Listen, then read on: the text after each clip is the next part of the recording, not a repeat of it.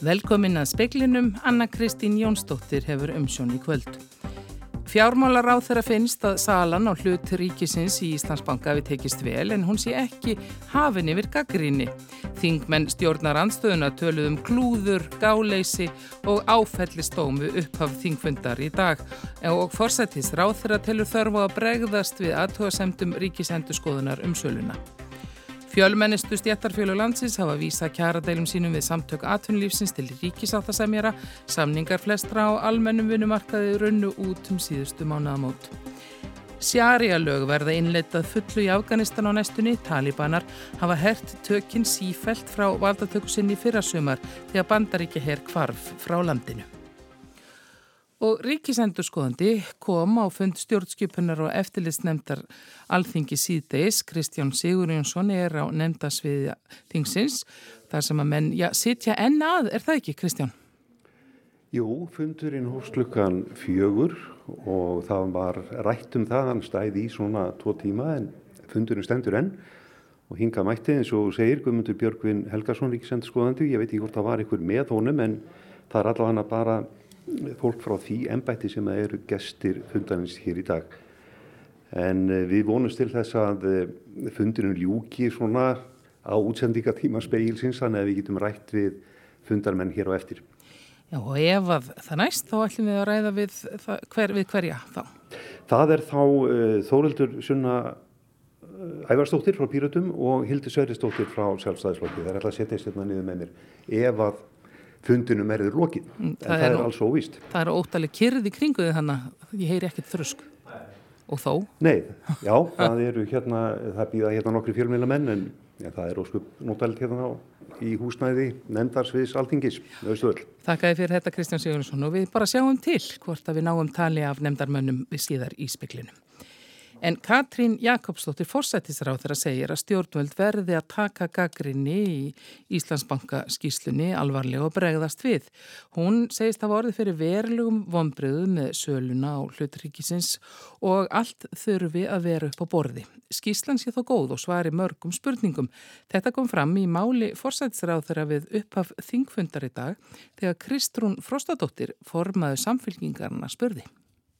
Allt er þetta rakið í skýslunni sem er þungur áfællistómur yfir vinnubröðum hæstvirts fjármálaráðherra og staðfestir að sala á 20 miljardar ríkiseign var á sjálfstýringu, að ráðherra hirti ekki um að sinna eftirleiti og söluráðgjafar fengu frítt spil í söluferlinu. Og í þeirri skýslu sem hefur nú verið birt kemur fram gaggrinni, bent er á annmarka á sölu á þessum hlut í Íslandsbanka sem við höfum að taka alvarlega. Við höfum að taka þessa gaggrinni alvarlega og við höfum að bregðast við henni. Saði Katrín Jakobsdóttir og áður heyriðist í Kristrúnu Frostadóttur. Haldóra Móensson, Móensen fyrir gefið þingflokksformaður Pírata, sagði að skýrsla ríkisendurskoðunar staðfesti stórfelt gáleysi. Þorgerðu Katrín Gunnarsdóttir, formaður viðreysnar, talaði um klúður og að enginn í ríkistjórnini virtist ætla að axla ábyrð. Þrjár af sex óundirbúnum fyrirspurnum á alþingi dag snýrust um skýslu ríkisendurskoðunar og þeim var öllum beint til forsættis ráþera. Bjarni Benditsson fjármálar ráþera var líka til svara en engri fyrirspurn var beint til hans. En við rættum freytastofarætti við Bjarnar Bendiktsson síðdeis og Bjarni tekur undir að betur hefði mátt standað upplýsingagjöf varðandi sölu á hlutríkisins í Íslandsbanka. Hann telur að heilt yfir hafi salan tekist vel, skíslan sé ekki stór áfellistómur og ekki sé þörf á sérstakri rannsóknanemnd á vegum alþingis. Þessi sal er ekkit hafin yfir gaggrinni en mér finnst eftir sem áður að hún hafi tekist vel og þegar við skoðum svona þessa niðurstöðu sem við höfum í höndunum í dag það að við skildum hafa losað um rúmlega 100 miljardar, að við séum með þennan eigandahópa af bankanum, þá segi ég bara þetta er bara mjög vel gert verður ekki að taka þessa niðurstöðu alvarlega og bregðast við með einhverju hætti? Jú, ég held við getum tekið punkt á þessari skýslu inn í framtíðina sérstaklega allt sem varðar svona gagsægi og jafnræði. Ríkistjórnin hefur þegar bröðist við með því að segja að hún ætla að taka fyrirkomulag sölunar til endurskoðunar. Þannig að við ætlum að vinna áfram með þá, þá niðurstöð og, og munum breyðast við í samræmi við það. Telur að sé þörf á sérstakri rannsóknarnefnd alþingis til þess að fara yfir þetta mál? Það finnst mér ekki, mér er aldrei, aldrei fundist vera ástæði til þess. Akkur ekki? Bara tilefni er ekki til staðar. Ríkisendurskóðandi hefur hérna eins og fram er komið núna, geta farið í saumana á því helsta sem hefur verið kallað eftir að sé skoðað. Það er ekkert sem að kallar á frekari aðtöðanir eins og ég horfi á það. Saði Bjarni Bendiktsson, höskuldur Kári Skram, talaði við hann. VAF-R, landsamband íslenskra verslunumanna og starfsgreinasambandið hafa vísað kjara viðræðum við samtök atunlífsins til ríkisáttasemjara. Formaði VAF-R gefur lítið fyrir málflutning atunureikanda um að ekkert svigrum sé til launahækana. Það sama hvar við drefum niður, það er allstaðar byllandi góðari en síðan uh, leifa það sér að koma fram og segja að hér sé ekkert svigrum til launahækana.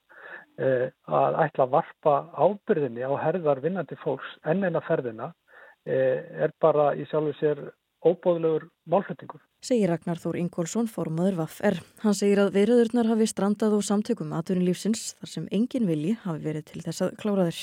Við hefum verið að greina stöðu um 3900 fyrirtækja sem eru hér á Íslandi og uh, það eru allir flokkar, lítil, meðalstór og stór fyrirtæki eru öll að skila uh, með ákomu, með tagnaði. Þannig að þessi málflutningur uh, samtaka atvinnlýsins uh, stennst einfalla ekki nokkra einustu skoðun. Haldur Benjamin Þorbergsson, framkvæmdarstjóri SA, segir það ekki alls kostar rétt að ekkert sögurum sé til staðar. Allar aðgerðir samtaka atvinnlýsins við laust þessar kjaradeilu munum miða að því að já, hækka laun án þess þó að framkalla viðbrað frá Sælabanka Íslands Þannig að við trúum því að það var það versta sem við getum gert fyrir Íslensk heimili að fá frekari vakstahekkanir ofan í þá verðbólku sem við búum við, við í dag. Þá hafi óvenju fáir fundir verið haldnir með stéttarfjölugunum. Já, ég get allavega sagt að þetta sé svona óvanalega stuttur þráðurinn, sko. Sæði Haldur Benjamin Þorbergsson, Sunna Karin Sigurþórsdóttir tók saman. Hátt í hundrað manns taka þátt í umfangsmikli leit á höfuborgarsvæðinu. Laurregla stýri leitinni og hefur fengið til aðstóðar þyrlu landhelgiskeslunar og björgunarsveitir. Hátt í 80 björgunarsveitamenn taka þátt í leitað 42 ára gamlu manni friðfinni Frey Kristinsinni. Síðast er vitað um ferðir hans síðdeis á fymtudag í nýja vogakverfinu. Leitin hófst þar en leitað er víða um norðan og austanvert höfuborgarsvæðið. Sjárialög verða innleitt að fullu í Afganistan á næstunni. Þetta fullur er talsmaður stjórnar Talibana í landinu. Þegar Talibanar komist til valda í fyrra lofuðu þeir því að verða mýkri stjórnendur en þeir voru í fyrri valdatíð. Það er á árunum 1996 til 2001.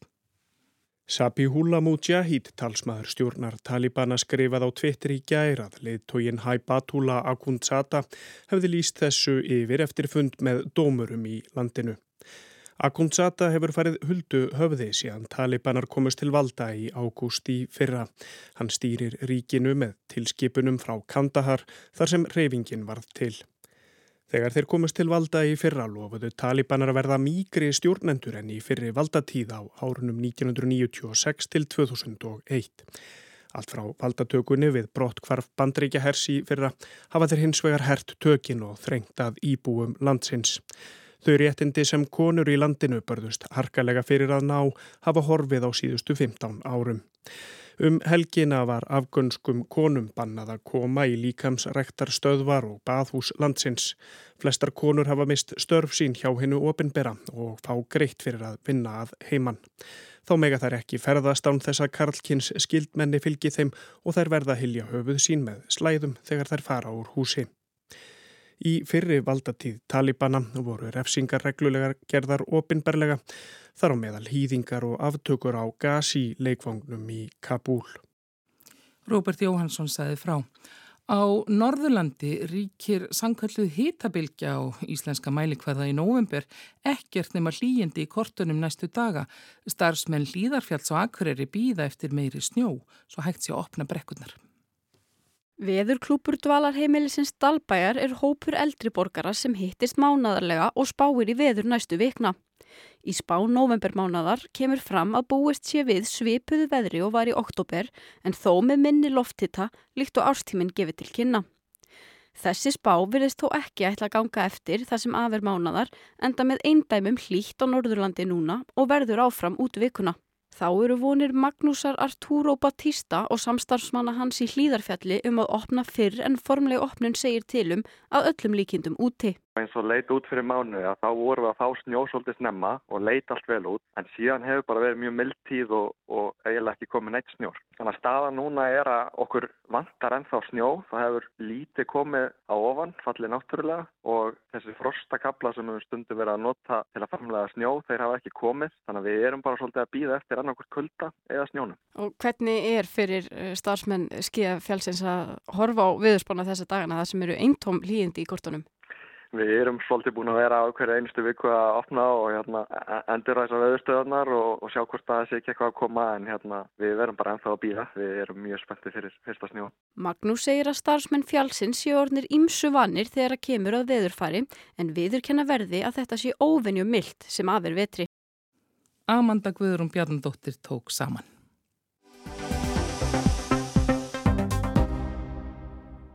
Ríkisendurskoðun segir að Íslandsbankasalan í mars hafi verið hagfæld stjórnmöldum en ekki endilega jafna hagkvæm og hún hefði gett horfið.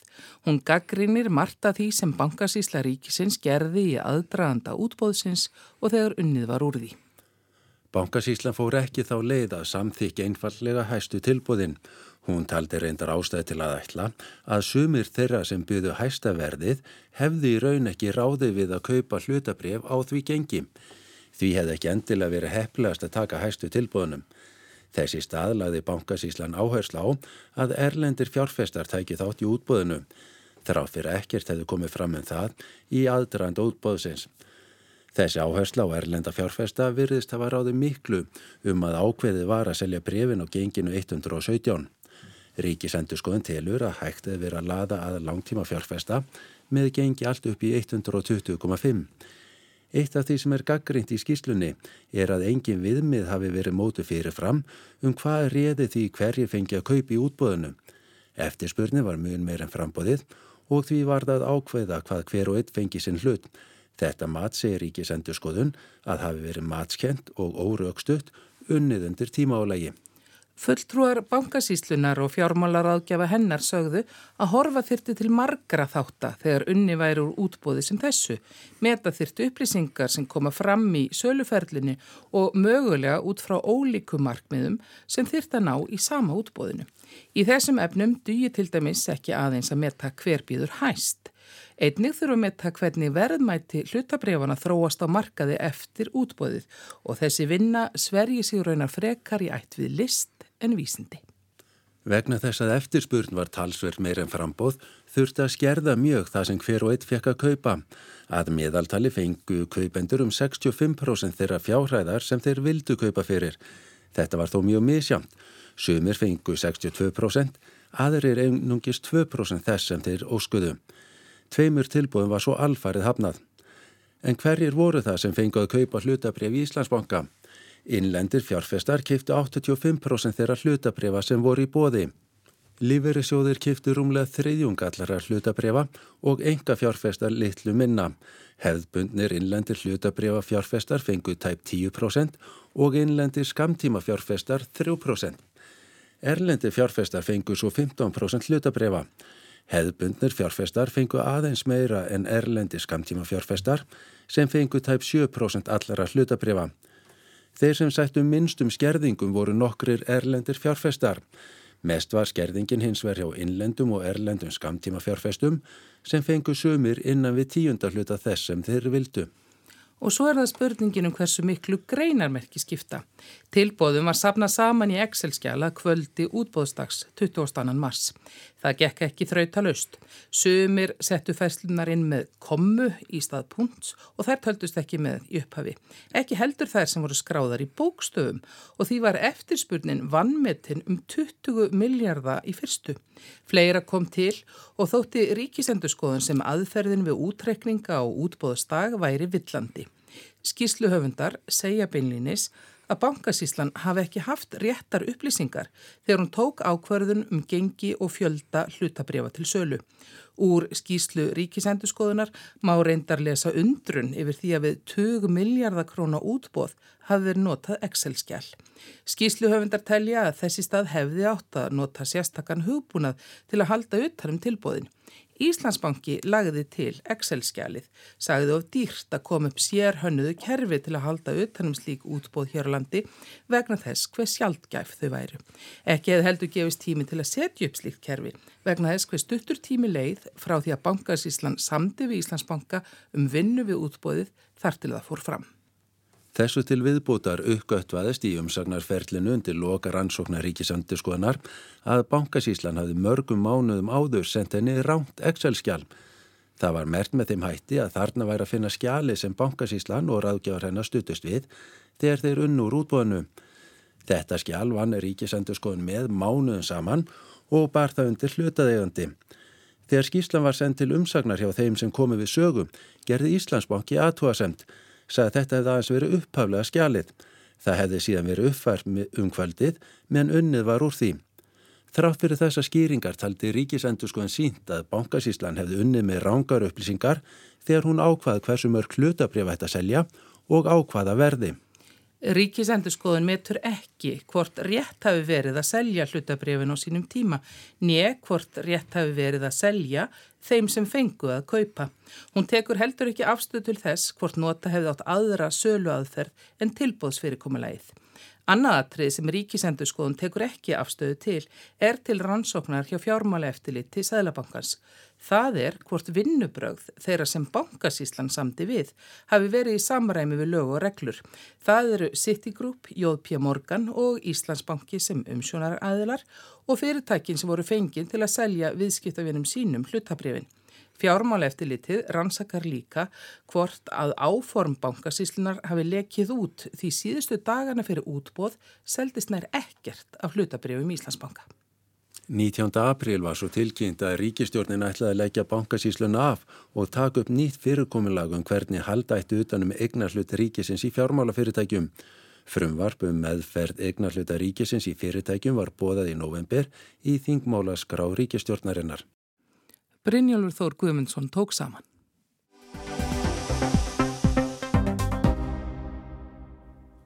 Leðtóar Kína og Bandaríkjana hittust í dag á laungum fundi á Bali í Indonésiu í því augnamiði að draga úr spennu sem hefur farið sívaksandi milli þjóðanundaförnu ekki síst vegna eigiríkisins Tævans. Þetta var í fyrsta sinn sem Joe Biden og Xi Jinping hittust augliti til auglitis frá því að Biden varð fórseti í janúari fyrra. Þeir hafa fimm sinnum ræðist við með fjarfundarbúnaði og hittust nokkurum sinnum meðan báðir voru varafórsetar. Áður en fundurinn hóft sögðu báðir fórsetarnir að það væri mun líklægra til árangurs að hittast í eigin personu en að nota samskipta teknina til að skiptast á skoðunum. Biden sagði að það væri á þeirra ábyrð sem leið tóa þjóðana að sína fram á að þeir getu jafna þann ágreining sem uppi er. As the leaders of uh, our two nations, we share responsibility in my view to show that China and the United States can manage our differences. Biden sagði að þeir hefðu margt að ræða, þar á meðal að leita leiða til að vinna saman að málum sem brenna á heiminum öllum. And to find ways to work together on urgent global issues that require our mutual cooperation. Fundur leðtóana stóði rösklega þrjár klukkustundir. Fjölmart bara góma þar á meðal stríðisrekstur rúsa í Ukrænu. Í yfirlýsingu frá utanrikisraðunetinu í Peking sagði að Xi Jinping hefði greint Jó Biden frá því að hann hefði alvarlegar áhyggjur af ástandinu. Þar kom einnig fram að kýmverkir en betismenn væru því fylgjandi að fríðar viðræður hæfust á ný millir rúsa og ukrænumanna. Einni kom fram eftir fundin að báðir leiðtóarnir lýsa sig með öllu andvega því að kjarnorkuvopnum verði beitt í stríði. Pútín, Rúslandsforseti, hefur einmitt einbrað á að til þeirra kunnið að verða greipið í baráttunni við ukrainska herin. Málefni Tævans voruð að vonum eitt af aðal umræðu efnunum á, leðtókafundinum í dag. Joe Biden sagði á fundi með frettamönnum eftir að viðræðum lauk að hann hefði gert Xi Jinping ljóst að stefna bandaríkjamanna gagvart Tæfunum væri óbreytt en að hann teldi ekki að innrás á eiguna væri yfirvofandi. I do not think there's any imminent attempt on the part of China to invade Taiwan and uh, made it clear that our policy in Taiwan has not changed at all. Samskipti Kína og bandaríkjana versnuðu til muna í sumar þegar Nancy Pelosi, fórseti fulltrúa deildar bandaríkja þings, fór í heimsókn til Tævans. Nokkru síðar emdi kynverki herin til umfangsmikillar heravingar í grend við eiguna. Talið varað með henni væri herin að æfa hernám Tævans. Viðskiptastríð ríkjana hefur harnað að undanförnum. Joe Biden sagði á frettamannafundinum að þrátt fyrir það og önnur deilumál þjóðana væri nýtt kallt stríð ekki yfirúfávandi að sínu áliti. Hann sagði að bandarækjumenn ætluðu að halda áfram að berjast af alefli á viðskiptasviðinu, ekki til að valda áreikstrum, heldur til að koma fram af ábyrð. We're going to compete vigorously, but I'm not looking for conflict. I'm looking to manage this competition responsibly. Loksuruð þeir Joe Biden og Xi Jinping ásáttir um að halda áfram að reyna að bæta samskipti þjóðana. Antoni Blinken, utan ríkisráð þeirra, fer til Kína fljótlega eftir áramót þar sem viðræðum verður framhaldið. Letóarnir eru statir á Bali vegna fundar G20 ríkjana, 20 helstu yðinríkja heims. Hann stendur á morgun og miðvíkudag. Eitt letói hefur afbúðað sig. Vladimir Putin verður heima og sendir Sergei Lavrov utanríkisráð þeirra í sinn stað. Xi Jinping og Emmanuel Macron fórseti Fraklands ætlað hittast í fyrramálið áður en G20 fundurinn hefst. Macron hverst ætlað að leggja á það áherslu að það sé kynverjum í hag rétt eins og frökkum að þrista á rúsa að setjast að samningaborðinu til að enda Ukrænustríðið og virða alþjóðalög og sáttmóla. Ásker Tómasson tók saman.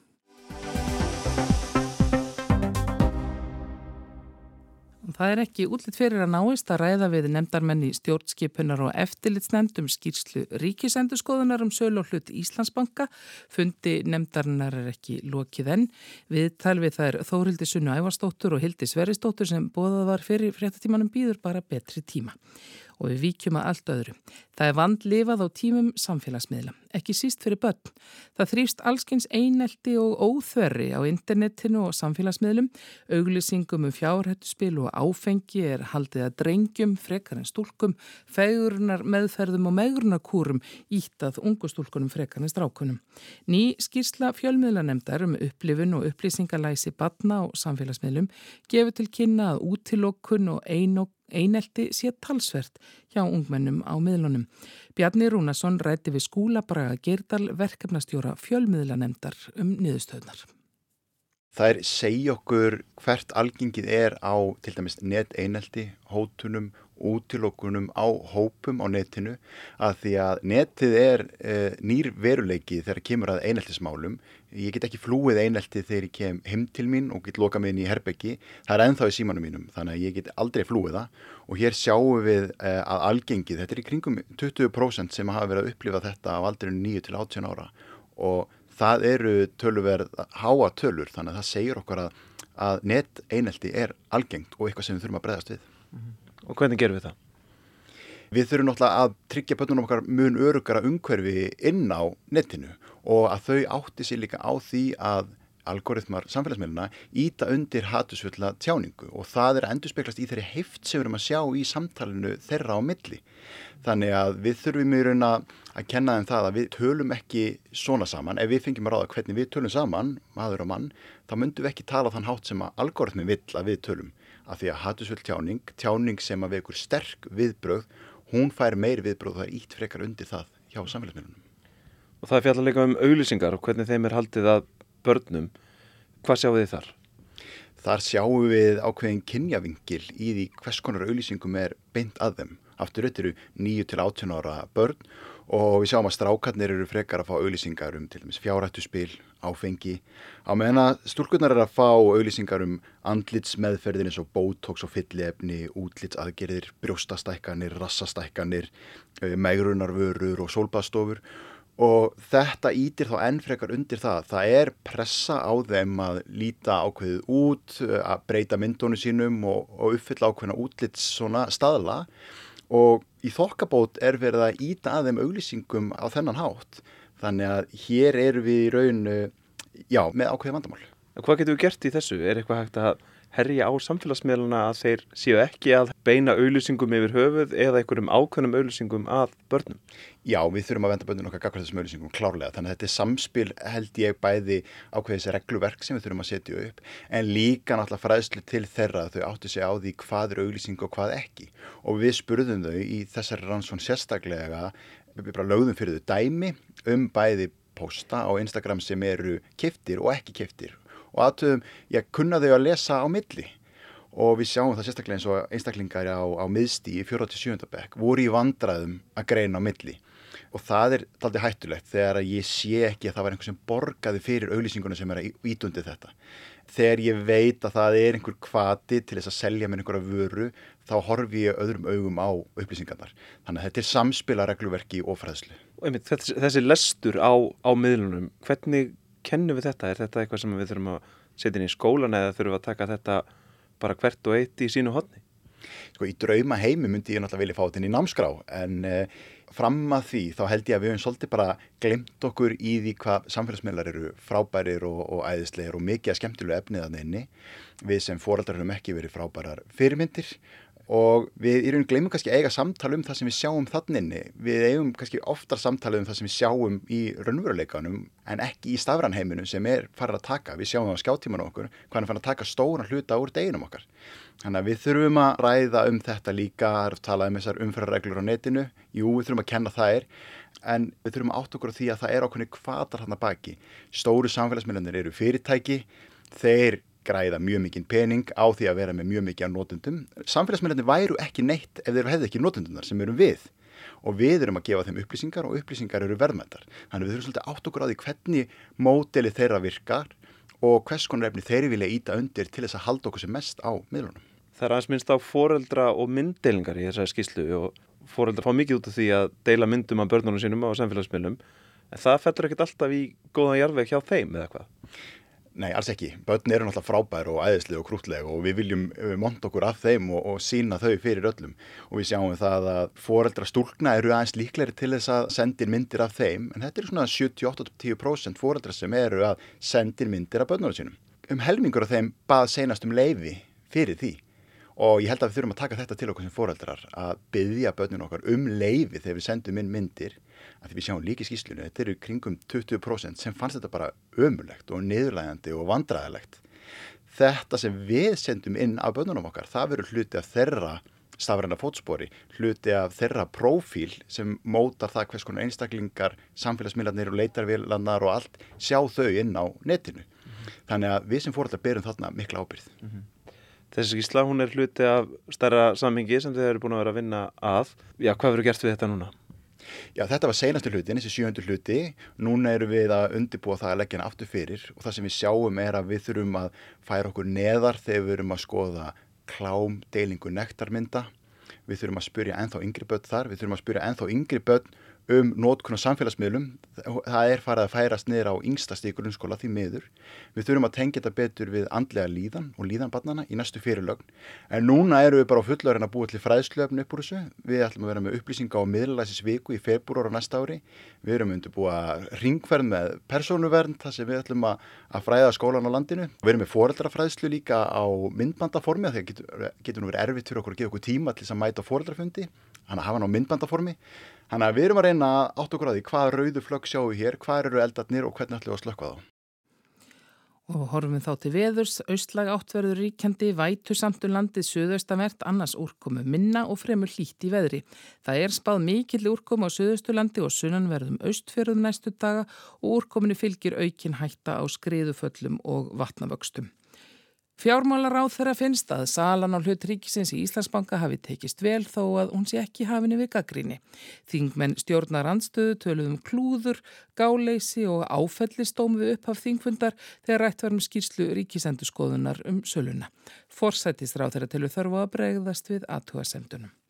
Fjölmennustu stjættarfjölu landsins hafa vísað kjaradeilum sínum við samtök atunlífsins til ríkisáttasemjara. Formaður Vaffer segir engan vilja hjá SA til að semja en framkvæmda stjóra SA þykir þráðurinn óvenju stuttur. og sjarjalög verða innleitað fullu í Afganistan á næstunni. Talibanar hafa hert tökinn sífælt frá því fyrrasumar þegar bandaríkja hér kvarf frá landinu. Fleir er ekki í speklinum í kvöld, tæknimaður var Mark Eldredd, veriði sæl.